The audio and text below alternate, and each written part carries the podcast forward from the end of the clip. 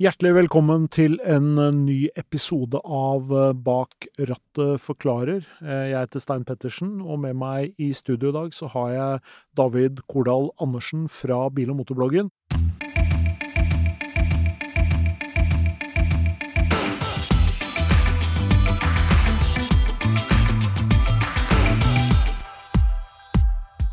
Og David, det er jo sånn at når man snakker om, om biltyper Det var mye enklere før, fordi da hadde vi egentlig stort sett eh, stasjonsvogn eller sedan. Uh, ja, det er helt riktig, og så har det liksom utvikla seg til å bli eh, et uh, Om ikke et virvar, så iallfall stort utvalg av biler som kanskje kan dekke samme behov også. Eh, så det er ikke så lett å ha oversikten over de, kanskje. Det var det vi tenkte, da, at vi kanskje kunne i denne forklarerepisoden ta en liten gjennomgang av de ulike biltypene, og litt hva de eh, på en måte egner seg for. Og, og der eh, har vi jo vi, kan jo starte, da. Vi har jo det, hva folk liksom i dag regner som en, en vanlig bil. Og i dag så er jo det nesten blitt en kombikupé, egentlig. Ja, hvis det nesten ikke har blitt en crossover eller en uh, Ja. SUV. Men det er jo iallfall uh, Det er jo som du sa innledningsvis, at um, det, liksom det, det starta med, med sedaner, og så ble det litt stasjonsvogner uh, som man kunne velge hvis man trengte ekstra plass. Men så var det jo noen som kom på uh, på 60-70-tallet at det kunne være lurt å kanskje kombinere de to biltypene litt, grann, og, og, og fant opp det vi i dag kaller kombien, da, som er en sånn femdørsbil à la Golf eller Opel Astra, ikke sant, Med, som er en slags blanding av stasjonsvogn og sedan, men bare mer praktisk. Eh, så det er jo Det er vel fortsatt eh, kanskje en av de aller mest populære bilmodellene i Europa, men den har også konkurranse fra nye biltyper. Ja, for det er jo litt interessant, for hvis vi da, hvis, hvis vi da liksom på en måte har starta med disse basisbilene, så er jo egentlig de aller fleste bilene har, og, og typene som har kommet etter, de er jo gjerne bygd på disse igjen, men har fått noen, noen ekstra egenskaper. Hvis vi, hvis vi da går til en SUV, da. Hva, hva er en SUV i dag? Ja, det er et godt spørsmål, og egentlig noe som til og med vi som er biljournalister og jobber med dette her eh, hele tiden, kanskje ikke alltid kan definere. Men uh, i dag er jo egentlig en SUV en helt vanlig eh, personbil. En bare, den er litt høyere, litt mer bakkeklaring, uh, og kanskje litt mer av et sånt forstørra kombikarosseri enn stasjonsvognform, da. Uh, og dette det er jo en litt sånn motegreie, egentlig, med SUV-er og, og crossovere, hvis vi skal putte de på en måte i samme båsen på et vis, da. Ja, for Hva er forskjellen på en crossover og en SUV? Nei, altså Hvis du skal være nøye på det, så er vel kanskje en SUV en mer rendyrka firehjulstrekker, eh, som virkelig har eh, litt offroad-egenskaper og kan trekke tung tilhenger eh, og sånne ting. Kanskje til og med med ramme og stive akslinger hvis du, hvis du drar det langt, mens en crossover er jo en slags blanding av en lav personbil og en, en sånn offroad-aktig firehjulstrekker, da. Men har en SUV alltid firehjulstrekk? Nei, den har jo ikke det, og øh, i dag så kaller vel folk flest denne typen biler for SUV-er alt sammen, selv om det kanskje er øh, crossovere det egentlig er snakk om. Ja, fordi det er jo forskjell på en eh, Mercedes G-Wagen og en eh, liten eh, elektrisk eh, SUV.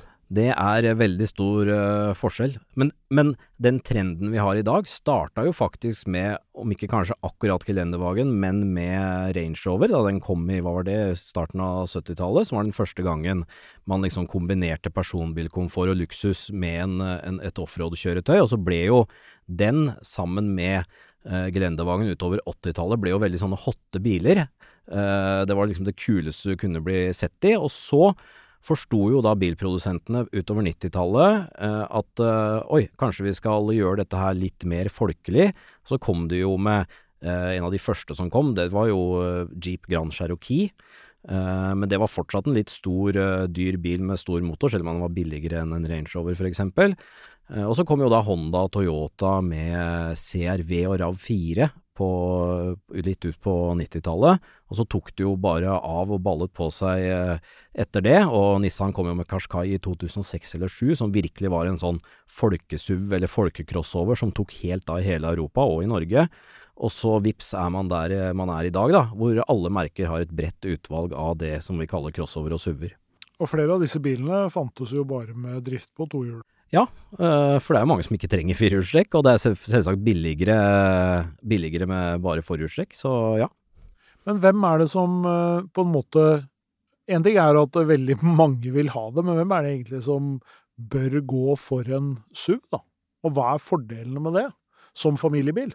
Fordelen er eh, sånn rent ved siden av at det liksom er moderne, og at kanskje folk vil ha det fordi det er det som liksom er greia, så er det De er jo litt høyere, så de er lettere å gå ut og inn av. Du slipper å, å liksom sette deg ned og klatre opp av bilen når du går ut og inn, og ikke minst enkelt å sette barn på plass i barneseter og sånne ting. Og I tillegg så gjør den høyere sittestillingen at du får bedre oversikt over uh, trafikken uh, rundt, og det som er rundt deg, da. Disse crossoverne, da. Hvor eh, plasserer vi de i, i bildet? Er det, er, det, er det, på en måte litt sånn Det er jo litt nedtona SUV, egentlig, da? Ja, det kan du godt si. Det er jo øh, De kan kanskje være litt mer praktisk enn en SUV, fordi at de har ikke dette øh, voldsomme offroad-drivverket under, på en måte. og da får man bedre plassutnyttelse inn i bilen. Og så er det jo rimeligere. Eh, fordi de er mindre avanserte, og en crossover de, det er jo egentlig bare en vanlig lav personbil, og de kan gjerne dele hjuloppheng og alt med helt vanlige lave personbiler, men så er de bare heist opp litt og har uh, en høyere bakkeklaring, og på grunn av uh, Altså, det er, jo, det er jo den bakkeklaringen som gir noe bedre fremkommelighet, og egentlig ikke teknologi i bilen, eller teknikk i bilen. Nei, fordi at uh, det var jo lenge sånn at uh, man sa at vet du hva, det er litt dumt å kjøpe SUV, fordi at du får mye mindre plass i bilen fordi det er så mye under. Men med elektriske SUV-er så har jo egentlig den ulempen i stor grad blitt borte. Ja, der faller det på en måte ganske godt i sammen, fordi du skal plassere en batteripakke under uh, gulvet. og da er det selvsagt en fordel at bilen er ganske høy. Eh, så vi ser jo det på av Hvis vi ser på familiebiler, eh, nye elektriske i dag, så er det stort sett snakk om uh, SUV-er eller, eller crossovere, da. Nettopp av det, og selvsagt fordi at det er det folk gjerne vil ha i dag. Ja, fordi et segment som nesten helt har blitt borte, det er disse såkalte flerbruksbilene, som jo var voldsomt stort marked i Norge i mange, mange år. Ja, eh, dessverre er de litt på vei ut, har vært det en stund. Det var jo en biltype som kom på 80-tallet og tok av virkelig utover 90-tallet og førsten av 2000-tallet. Og eh, innebærer alt fra sånn Disse første var jo Chrysler Voyager og Renault Espace, ikke sant, som oppfant det segmentet, og så spredte det seg så du fikk eh, litt rimeligere, mindre versjon biler, biler med, med, den karosseriformen, sånn som Renault Scenic Opel Safira, Uh, mange kjenner helt sikkert Volkswagen Turan, og det er jo utrolig praktiske biler. De er nesten helt borte fra markedet nå? Ja, det er vel uh, jeg, jeg, tror bare det er en motegreie. At det, det er ikke kult å kjøre en praktisk flerbruksbil som alle ser at den er laget for maksimal plass og fleksibilitet for familien. For da har du gitt opp litt, liksom? ja, det er kanskje det, ja det er, nei, det er ikke kult, uh, ifølge mange tydeligvis. Man vil heller uh, ofre litt praktiske egenskaper og plass, uh, og heller kjøre en SUV eller crossover. Men uh, jeg syns det er Altså, hvis man har tre barn eller mer, så er jo en flerbruksbil, gjerne en stor en, er jo en drøm. og det er jo det er, litt, det er jo det som er fint med å ha en sånn stor bil, hvis du Altså, du, du, får jo plass til eh, alle personene og bagasjen og alt i en stasjonsvogn eller en SUV, eh, hvis du pakker litt smart og sånne ting. Men det er klart, eh, har du en flerbruksbil, så trenger du ikke å tenke på pakking eller noen ting. Det er bare å hive inn eh, folk og bagasje, og det er mer enn nok plass til alt, og det gjør eh, livet litt enklere. Tror du flerbruksbilen kommer tilbake igjen? Ja, den har jo litt uh, sjans på det i og med elektrifiseringen, egentlig. Og vi har jo noen biler på gang. og Blant annet har vel um, Peugeot, Opel og Citroën disse her uh, små eh, egentlig varebilbaserte biler, men som du får eh, som eh, fem- og syvsetere, som også kommer som elbil nå. Uh, I tillegg har jo Volkswagen denne her eh, nye eh, ID-buss på gang, som uh, har veldig kul uh, retroinspirert eh, design, og faktisk kan kanskje bidra med å gjøre flerbruksbilen litt kul igjen, da. Men så har vi jo en haug med andre varianter og karosseriformer, fordi at det, eh, dette har jo blanda seg voldsomt også. fordi eh, for eksempel nå så, så snakker man eh, og, og bruker uttrykk som kupé-SUV, for eksempel. Hva er det? Ja, det, det var et godt poeng. Det er jo det, den heiteste moten for tiden, er jo SUV med kupéform to- på taket, da. Sånn at det avslutter slakt fra kanskje over hodet på baksetepassasjerene, istedenfor at du har en stasjonsvogn, firkanta-aktig bakdel eh, på bilen. Så er det en slak kupélinje som gjør bilen stiligere eh, i manges øyne da, og det er veldig hot nå. For det er en slags upraktisk SUV, ikke sant? Det er jo egentlig det. Det, men der kommer det jo stadig, og, én ting er jo, og dette har vi også sett, men det, det, det tilpasser seg jo. Vi hadde jo Kupeer var jo i utgangspunktet ofte todørs biler, men så kom det også en drøss med firedørs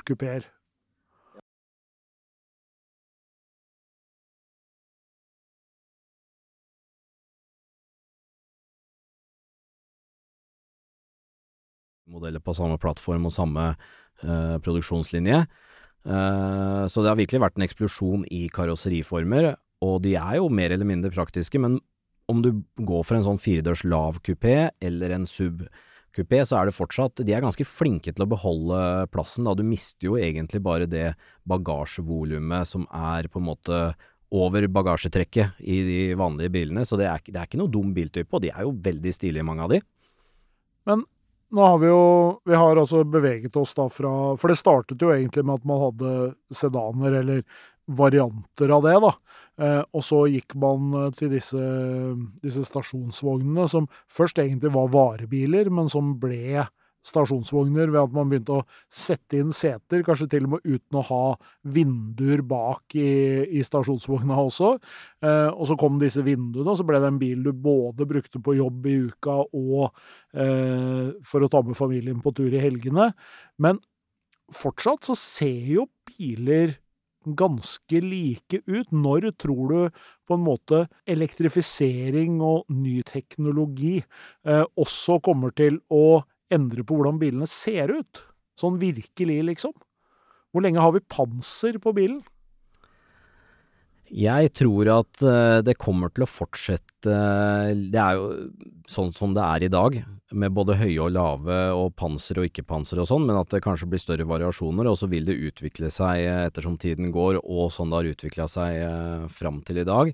Men vi ser jo at eh, fordelen med, de, med lave elektriske biler er jo lav luftmotstand, eh, som betyr lavere forbruk og lengre rekkevidde, og nå ser vi at det er flere produsenter som etter å ha fått ut eh, på en måte en familiecrossover, familie-SUV, som er elektrisk, så er neste steg en eh, firedørs kupé gjerne, med sånn dråpeform på, sånn at den har lav luftmotstand, men lav og effektiv, og det, kom, det er liksom den neste trenden, akkurat eh, sånn det ser ut nå. For allikevel så er vi kanskje litt tradisjonelle. Da. Altså vi ønsker vi, vi har, Man har jo på en måte en slags sånn eh, idé om hva som er pent, og, og hva man har lyst på. Det styrer vel kanskje bildesignerne litt også? Ja, helt sikkert. Eh, Det er, det er antagelig mange som eh, forsøker å utnytte elbilteknologien til å lage noe nytt og litt eh, annerledes, men samtidig så har jo folk sine preferanser om hva man ønsker og hva som er pent og, og ikke pent. Og jeg håper iallfall at disse, disse lave bilene, som kommer litt tilbake som flere nye elbilmodeller nå neste år, Uh, kan slå an litt, for du, du oppnår jo også uh, visse fordeler med lave biler uh, sammenlignet med crossover og SUV-er. Du får Du trenger å Du har ikke så stort behov for å stive av altså hjuloppheng for, for å ha kontroll på karosseriet, for du har lavere tyngdepunkt og kanskje litt lavere vekt også, som gjør at du kan ha en mer komfortabel og sportslig bil på en gang, som gir en bedre kjøreopplevelse for den som er glad i å kjøre bil. Eh, Så jeg er eh, stor tilhenger av både lave, nye elbilmodeller, og jeg er også litt tilhenger av rett og slett den gamle, gode stasjonsvogna. At man vurderer den eh, når man skal kjøpe ny bil, og ikke bare se på SUV og crossover, for det er også fordeler med en eh, god gammel stasjonsvogn. Ja, for det var jo en favoritt eh, hos eh, veldig mange da nordmenn skulle ha en, en familiebil, så var det jo en stasjonsvogn vi snakket om. Ja, det var jo, det var jo den store trenden rett før uh, SUV-ene og crossoverne kom.